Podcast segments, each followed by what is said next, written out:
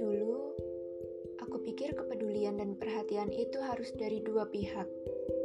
Tapi makin ke sini ya, makin ngerasa kalau apa-apa nggak perlu harus dibayar dengan sama atau ngedapetin validasi yang harusnya senilai dengan apa yang sudah kita lakukan.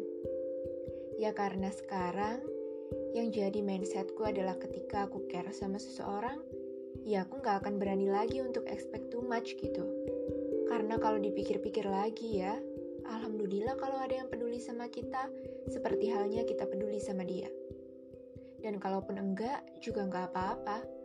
Karena setidaknya kita bisa jadi alasan seseorang merasa bahwa dia diperhatikan. Dan sering kali kita nggak butuh sesuatu yang luar biasa untuk bisa merasa bahwa kita dianggap istimewa. Cukup dengan hal-hal sederhana aja. Dan kalaupun kita nggak seberuntung itu untuk mendapatkannya, ya maka nggak apa-apa kalau kita jadi yang memberi bukan yang menerima. Tingkat kepedulian yang paling tulus itu menurutku bukan lagi tentang kita berharap memperoleh balasan atau feedback yang sama. Tapi ya tentang seberapa hati kita akan merasa nggak apa-apa dengan niat yang semata-mata kita peduli memastikan kalau dia baik-baik aja.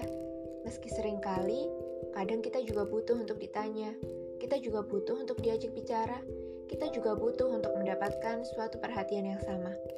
Tapi, ketika kita tidak lagi bisa mengharapkan itu, atau lebih baik tidak mengharapkannya, ya mungkin sudah saatnya untuk belajar menelaah arti peduli yang sesungguhnya sebelum benar-benar merasa bahwa kita sudah sepeduli dan setulus itu.